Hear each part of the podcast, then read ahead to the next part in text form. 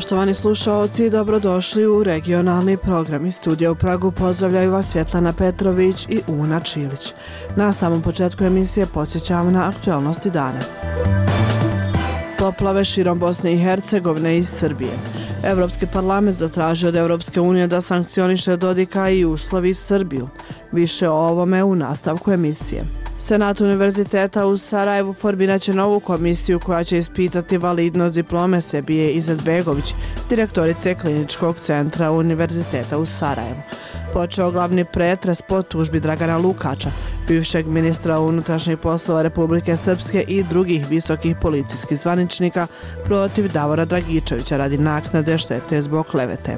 Specijalni predstavnik Evropske unije za dijalog Miroslav Lajčak posjetit će Prištinu i Beogradu petak 20. januara, potvrdio glasnogovornik EU.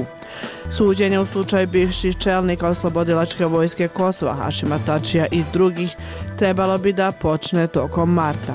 Tači, Veselji, Krasnići i Seljimi su obuhvaćeni istom optužnicom, a na teret im se stavljaju ratni zločini i zločini protiv čovječnosti.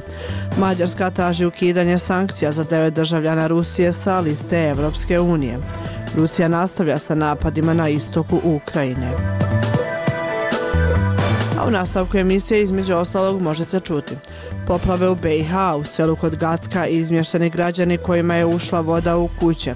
Aleksa Vučković, komandir vatrogasne jedinice Gacka ali jutro negdje oko 4 sata je uh, desila se jedna situacija kada je rijeka Đeropa koja je zaista jedna mirna riječica i koja u normalnim uslovima jedva i se i provlači ovim krajem uh, bukvalno podivljala i za 15 minuta ona je provalila u, u dva stambina objekta. Zašto članovi Ustavnog odbora kandidatima za sudje Ustavnog suda Crne Gore postavljaju pitanje o njihovoj nacionalnoj pripadnosti? Advokat Veselin Radulović. Jako neumjesno je najblaže rečeno postavljati takva pitanja, ali ne vidim nikakvu vezu to što je neko ove ili one nacionalnosti e, ne može davati bilo kakvu garanciju da je to stručna osoba i da ima integriteta, dovoljno integriteta da bi mu se moglo povjeriti voljanje tako odgovorne funkcije. Ostanite sa nama. Slušate radio Slobodna Evropa. Evropski parlament izglasao je rezoluciju u kojoj je formalno zatražio od Evropske unije uvođenje sankcija protiv Milorada Dodika, predsjednika Bosansko-Hercegovačkog entiteta Republika Srpska. Sve države članice pozivaju se da osiguraju da vijeće Evropske unije usvoji sankcije. Zahtjevi su navedeni u rezoluciji za koju je od 641 poslanika glasalo 407. Protiv je bilo 92, a suzdržanih 142.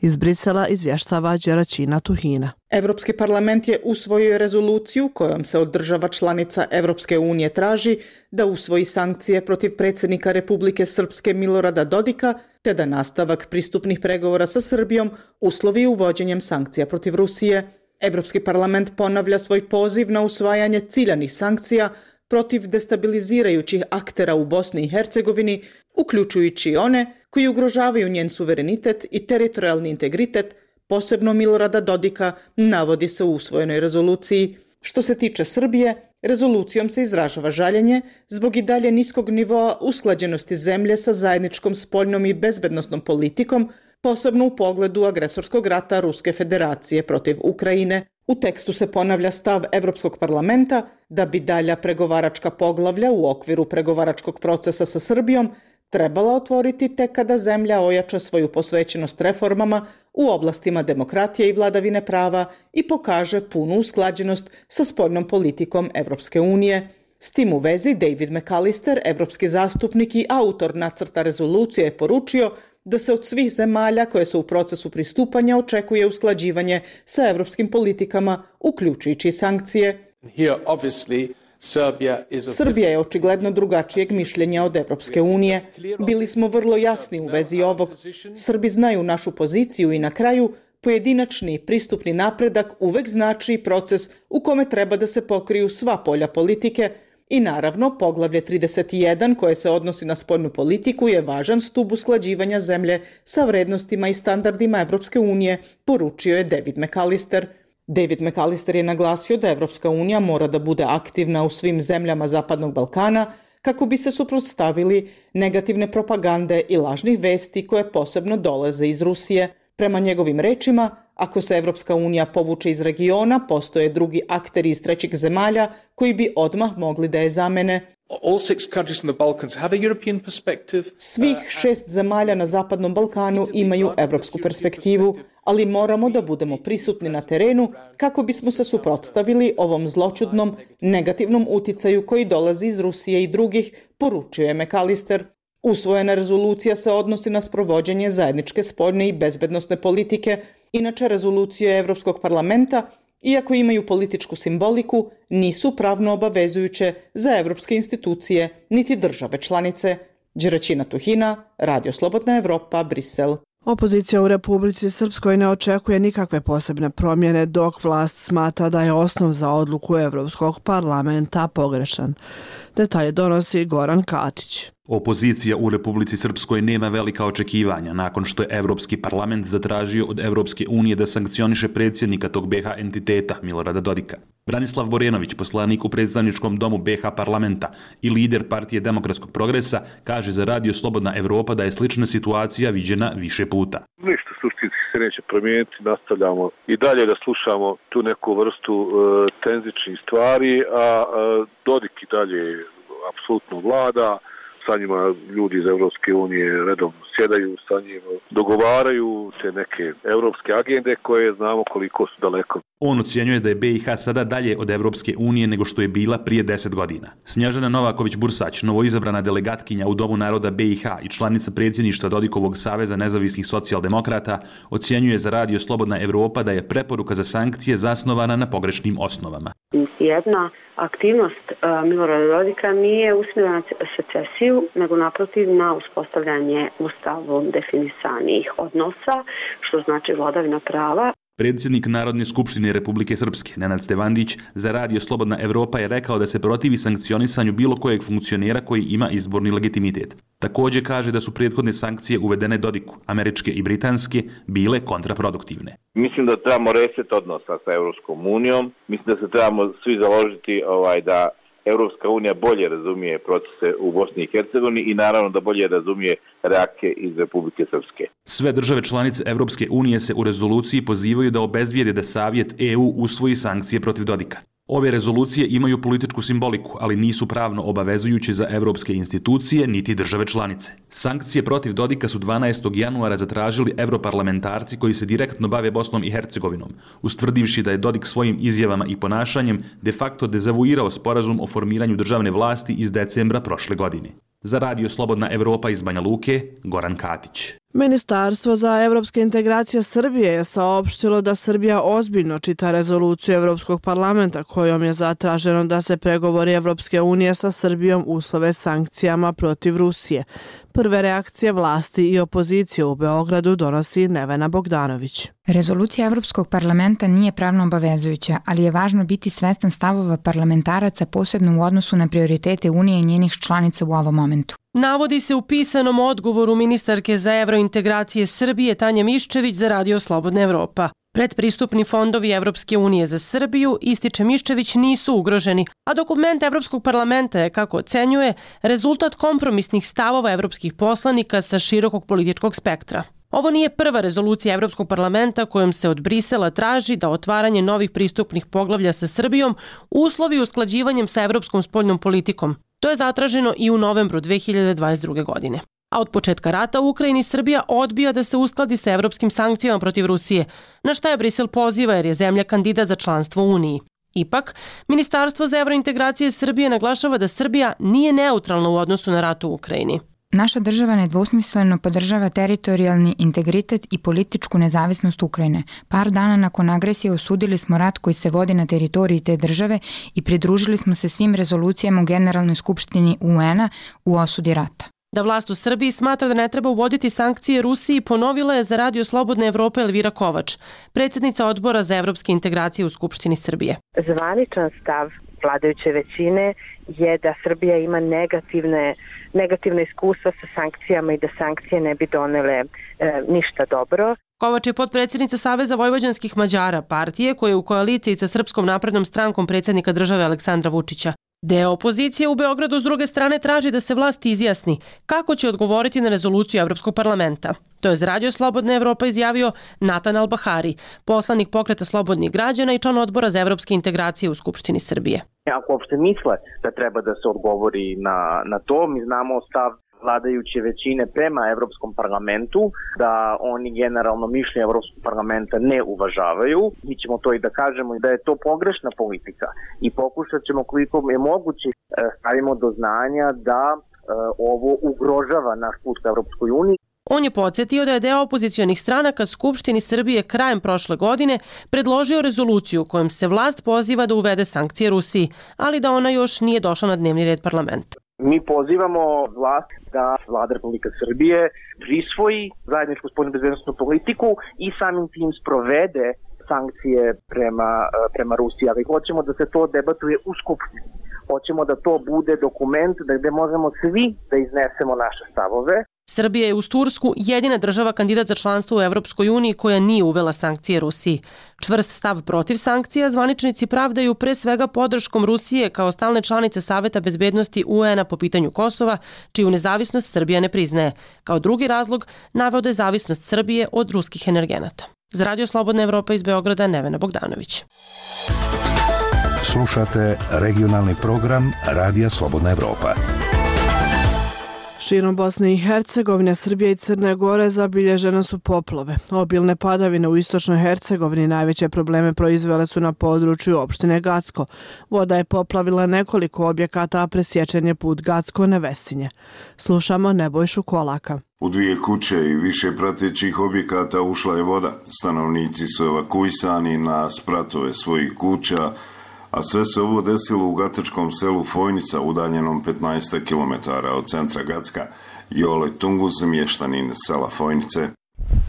Evo, imao, ovdje, imao sam neke čelnije ovije stvari, ulišta i toga, to je malo popravilo, u, ostalom nema puno štete. Ja bi se zapalio i komandiru vatrogasne jedinice i načelniku i rukovodstvu Gacka, što je ovo rijetko bilo da obilaze stanovnike od kuće do kuće. Na području Gatačke opštine palo je oko 150 litara kiše po metru kvadratnom, što je dovelo do bujanja rijeke Đerope. Komandir vatrogasne jedinice Gasko, Aleksa Vučković, kaže da je voda počela naglo nadolaziti jutro sa oko 4 sata ali jutro s negdje oko 4 sata je e, desila se jedna situacija kada je rijeka Đeropa koja je zaista jedna mirna riječica i koja u normalnim uslovima jedva i se i provlači ovim krajem e, bukvalno podivljala i za 15 minuta ona je provalila u, u dva stambina objekta i pomoćnih ne znam nikoliko možda 5-6 nekih pomoćnih objekata štala, podruma i tako dalje. Mi smo e, čitavu noć bili na terenu evo i danas smo na terenu pomažemo našim, našim stanovnicima stanovništvu, našim sugrađanima, onoliko koliko smo mi u mogućnosti. Zbog velikih padavina zamutili se izvori pitke vode, tako da vatrogasci Fojničane snadbjevaju i pitkom vodom. Pored rijeke Čarope, dodatni problem su je stavele koje izbacuju veću količinu vode. U drugim mjesnim zajednicama rukovodstvo opštine je postavilo nasipe. Ognjen Milinković je načelnik opštine Gacko na području mjesne zajednice Autovac smo uradili već jutros e, e, imam već jutro smo uradili nasipe da spriječimo da kažem izlivanje rijeke Mušnice na, na, na, na području Avtovca što bi ugrozilo par kuća tako da za sada situacija je da kažem stabilna. Zahvaljujući brzoj reakciji vatrogasaca, štete na području sela Fojnice su minimalne. Rijeka Zalomka je na dva mjesta presjekla magistralni put Gacko-Nevesinje i on nije u upotrebi. Najavljene padavine za popodnevne i večernje sate mogu izazvati dodatne probleme stanovnicima opštine Gacko. Iz Gacka za radio Slobodna Evropa, Nebojša Kolaka. Obilne padavine na jugozapadu Srbije prouzrokovale su nagli rast vodostaja i bujične poplave. U Sjenici se izlila rijeka Grabovica koja je poplavila više od 50 objekata. Od juče rastu vodostaje Lima kod Prijepolja i Ibra kod Raške. Zbog opasnosti od novih poplava jutro je u Prijepolju proglašena vanredna situacija, a u podne je tu mjeru primijenio i opštinski štab za vanredne situacije u Sjenici izvještava Branko Vučković. U Sjenici je reka Grabovica protekle noći probila odbrambene zidove u naselju Bukreš i u centru grada, gdje je poplavila više od 50 objekata, desetak bunara i oštetila puteve. Predsjednik opštine Sjenica Mubin Mujagić rekao je radiju Slobodna Evropa da protekle noći nije bilo životno ugroženih, ali da je iz predusrožnosti jedna tročlana porodica evakuisana. Za nas je jedna izuzetno teška noć iz najužeg dela grada, tu gde su mi to zovemo neke takozvane rudničke zgrade. Evakuisali smo jednu porodicu, da kažem bez ikakvih posledica. Za sad osim te e, drugih evakuacija nije bilo. Mujagić je rekao da su od noća svi opštinski resursi angažovani na podizanju dodatnih zidova za odbranu od poplava, ali da vremenske prilike nagoveštavaju nove probleme. Enormno velike su padavine bile u ovih 48 sati, nikad zabeležen toliki vodostaj reke Grabovice koji je za posljedicu imao probijanje obalo utvrda. Ovo još nije završeno, kiša intenzivno pada, na kratko prestane, još je jako visok vodostaj rijeke Grabovice, tako da nama dalja borba predstoji u narednih prognoza je 24 sata. Vidjet ćemo koliko će biti kiše, ali svakako je situacija izuzetno teška. Od juče popodne raste vodosa Ibra kod Raške, a vodosa Lima kod Prijepolja porastao je tokom noći za čitavih 40 cm. Zbog toga je u Prijepolju proglašena vanredna situacija, rekao je Radio Slobodna Evropa Vladimir Babić, predsjednik te opštine. Juče Lim bio na nekih 240 cm, danas je on već na 280, proglašena je vanredna situacija, jutro su 9.30 i ovaj očekujemo obilne padavine u nastavku dana i u Crnoj Gori na našoj teritoriji.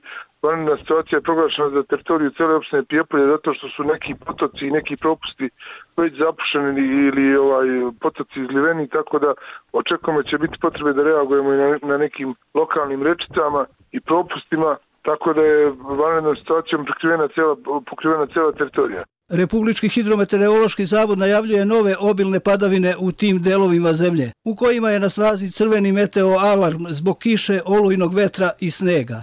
Radio Slobodna Evropa, Branko Vučković. A u Herceg Novom u toku je potraga za 13-godišnjim djetetom koje je, kako se strahuje, sa obale povukao talas. Saopšteno je za Radio Slobodna Evropa iz Direktorata za zaštitu i spašavanje MUPA. U cijeloj Crnoj Gori je na snazi upozorenje zbog višednevnog olujnog juga i kiše. Slobodnaevropa.org Pratite nas na Facebooku, Twitteru i YouTubeu. Najmanje 14 ljudi, uključujući i ukrajinskog ministra unutrašnjih poslova i troje djece, poginulo je u padu helikoptera u blizini vrtića u gradu Brovari, sjeveroistočno od Kijeva. Trenutno se u bolnici nalaze još 22 osobe, uključujući i desetoro djece. U helikopteru državne službe za hitne slučajeve koje je išao na prvu liniju nalazilo se devet osoba. Pored ministra Denisa Monastirskog poginuo je i njegov zamjenik Evgeni Jenin kao i državni sekretar. Ukrajinski predsjednik Volodimir Zelenski rekao je da se radi o užasnoj tragediji koja je izazvala neopisivu bol. Neka počivaju u miru svi oni čiji su životi oduzeti ovog crnog jutra, rekao je Zelenski u prvoj izjavi o nesreći.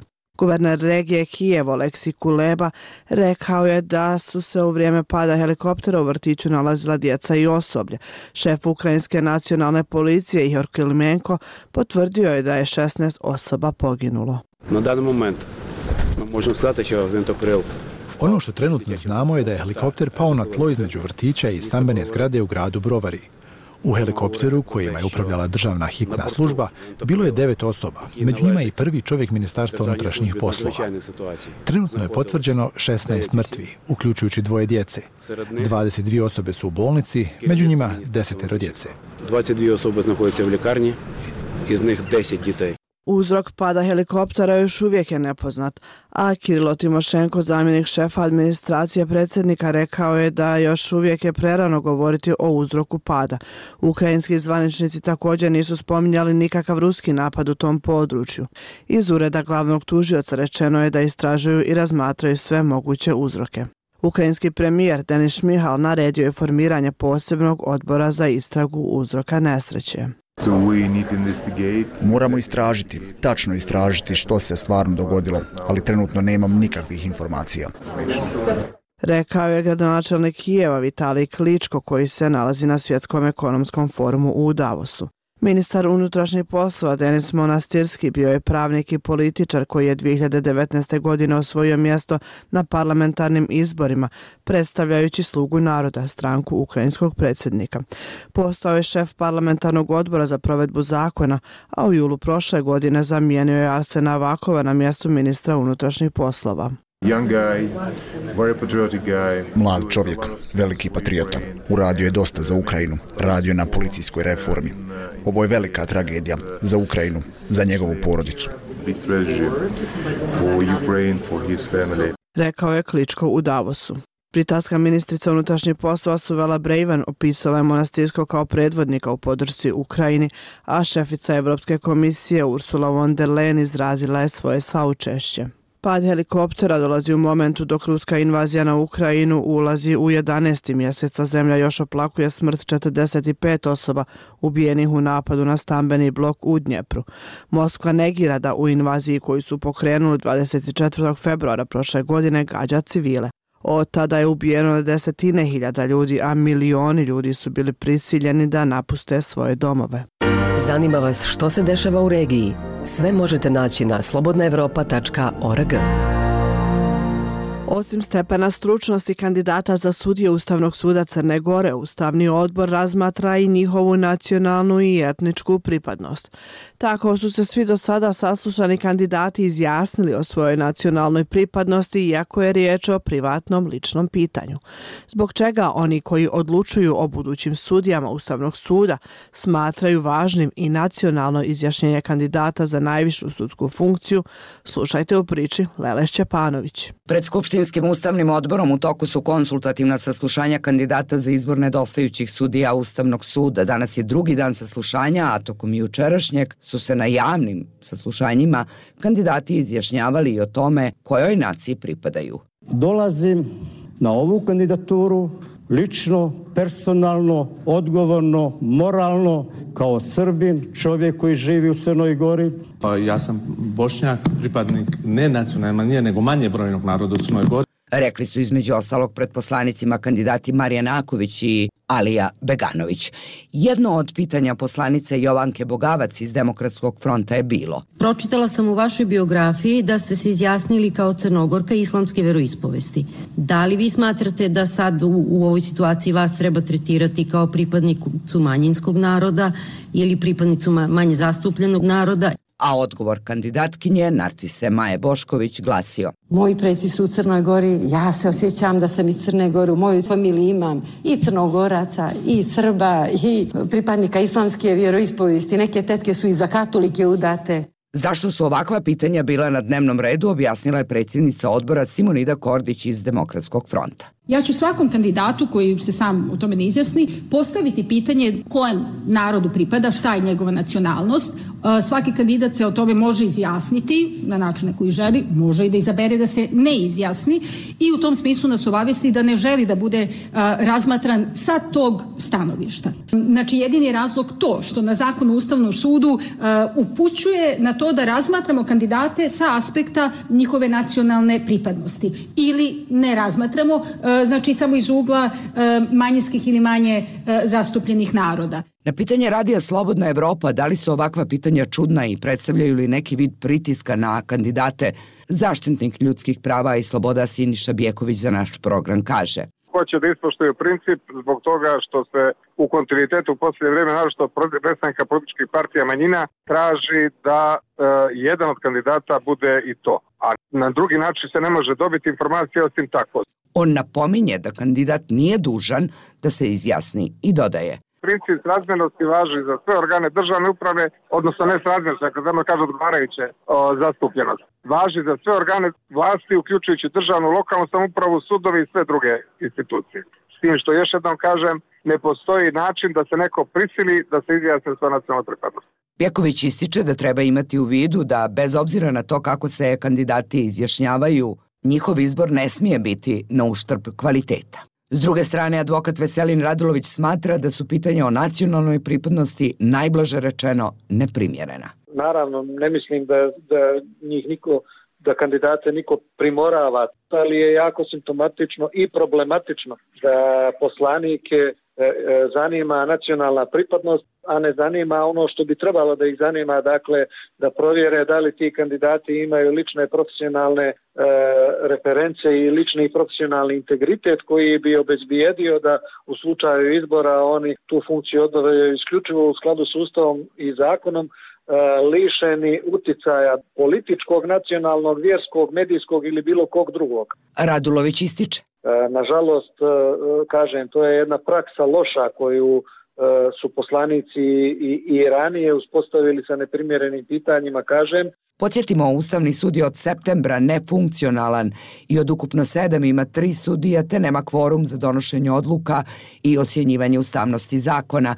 Za izbor sudija Ustavnog suda je neophodan dogovor predstavnika vlasti i opozicije, a iz Evropske unije koja je više puta apelovala da se izaberu nedostajuće sudije, nedavno je upozorena Crna Gora da ako se to ne dogodi može doći do prekida pristupnih pregovora.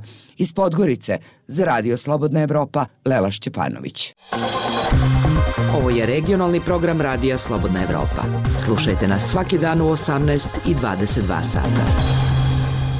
Hrvatska je vrlo efikasna u prikupljanju i recikliranju jednokratne plastične ambalaže za piće, ali nevladine udruge upozoravaju da je aktualna povratna naknada od svega 0,07 eura po boci premala i nedovoljno motivirajuća i da je najniža u Evropskoj uniji te da je treba povisiti. Pripremio Enis Zebić. Sedam nevladinih udruga okupljenih u platformu za borbu protiv zagađenja jednokratnom plastikom u Hrvatskoj pozvalo je Hrvatsku vladu da povisi povratnu naknadu za jednokratne plastične boce za piće sa aktualnih 7 eurocenti na 10 eurocenti. Ta je naknada sramotno najniža u Europskoj uniji, kaže za naš program voditeljica kampanje protiv zagađenja plastikom u zelenoj akciji Ana Marija Mileusnić, podsjećajući da je ona u Njemačkoj i Nizozemskoj 0,25 eura, a u Finskoj od 0,10 do 0,40 eura, ovisno veličini ambalaže i materijalu. Smatramo da iznos od 7 centi ne predstavlja dovoljno snažnu motivaciju za povrat takve vrste ambalaže,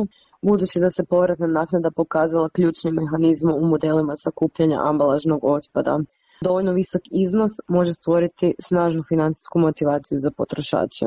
Profesorica na Varaštinskom geotehničkom fakultetu i aktualna predsjednica Hrvatske udruge za gospodaranje otpadom Aleksandra Anić Vučenić u izjavi za naš program vrlo pozitivno ocjenjuje aktualni sustav povratne naknade za boce od jednokratne plastike, podsjećajući da se on primjenjuje 17 godina i da se svo to vrijeme visina naknade od 50 lipa, odnosno 7 centi, nije mijenjala, a da je unatoč tome učinkovito sustava bila izuzetno visoka, odnosno da se uspjevalo prikupiti 85 do 95% proizvedenih količina plastičnih boca za jednokratnu upotrebu. Hrvatska je još prije donošenja direktiva o jednokratnoj plastici zbog ovog sustava koji imamo i s ovom visinom naknada ispunila ciljeve u segmentu gospodarenja otpadom sa jednokratnim plastičnim bocama na što možemo biti ponosno, za razliku od drugih sektora gdje to nismo. Ona dodaje da je ovakav sustav povratne naknade prisutan u manjem broju zemalja i da iznosi jesu veći nego u Hrvatskoj, ali da se radi i o bogatijim zemljama toga kada se uspoređujemo s drugim zemljama moramo uzeti u obzir i gospodarski rast i razinu BDP-a. I prije odluke o povećanju povratne naknade nužno napraviti izračun što to točno znači za Republiku Hrvatsku. Zanimalo nas je i tko će financirati moguće povišenje povratne naknade, proizvođač plastične ambalaže, proizvođač pića, država ili krajnji kupac. Povišenjem povratne naknade nitko nije na gubitku, osim onoga tko ne vrati ambalažu, kaže Ana Marija Mileusnić. Isto objašnjenje cijena će porasti, ali ne gubi nitko, sugerira i profesorica Anić Vučinić. Povratna naknada znači upravo to da će cijena proizvoda sada je veća za 7 centi, ako povećamo na 10, bit će veća za 10 centi. I to će platiti naravno kupac. Ako kupac vrati bocu, on će taj novac dobiti natrag. Za radio Slobodna Evropa iz Zagreba, Enis Zajebić. To bi bilo sve u ovom izdanju regionalnog programa Radija Slobodna Evropa. Sa vama su bile Svjetlana Petrović i Una Čilić. Lijep pozdrav, do narednog slušanja.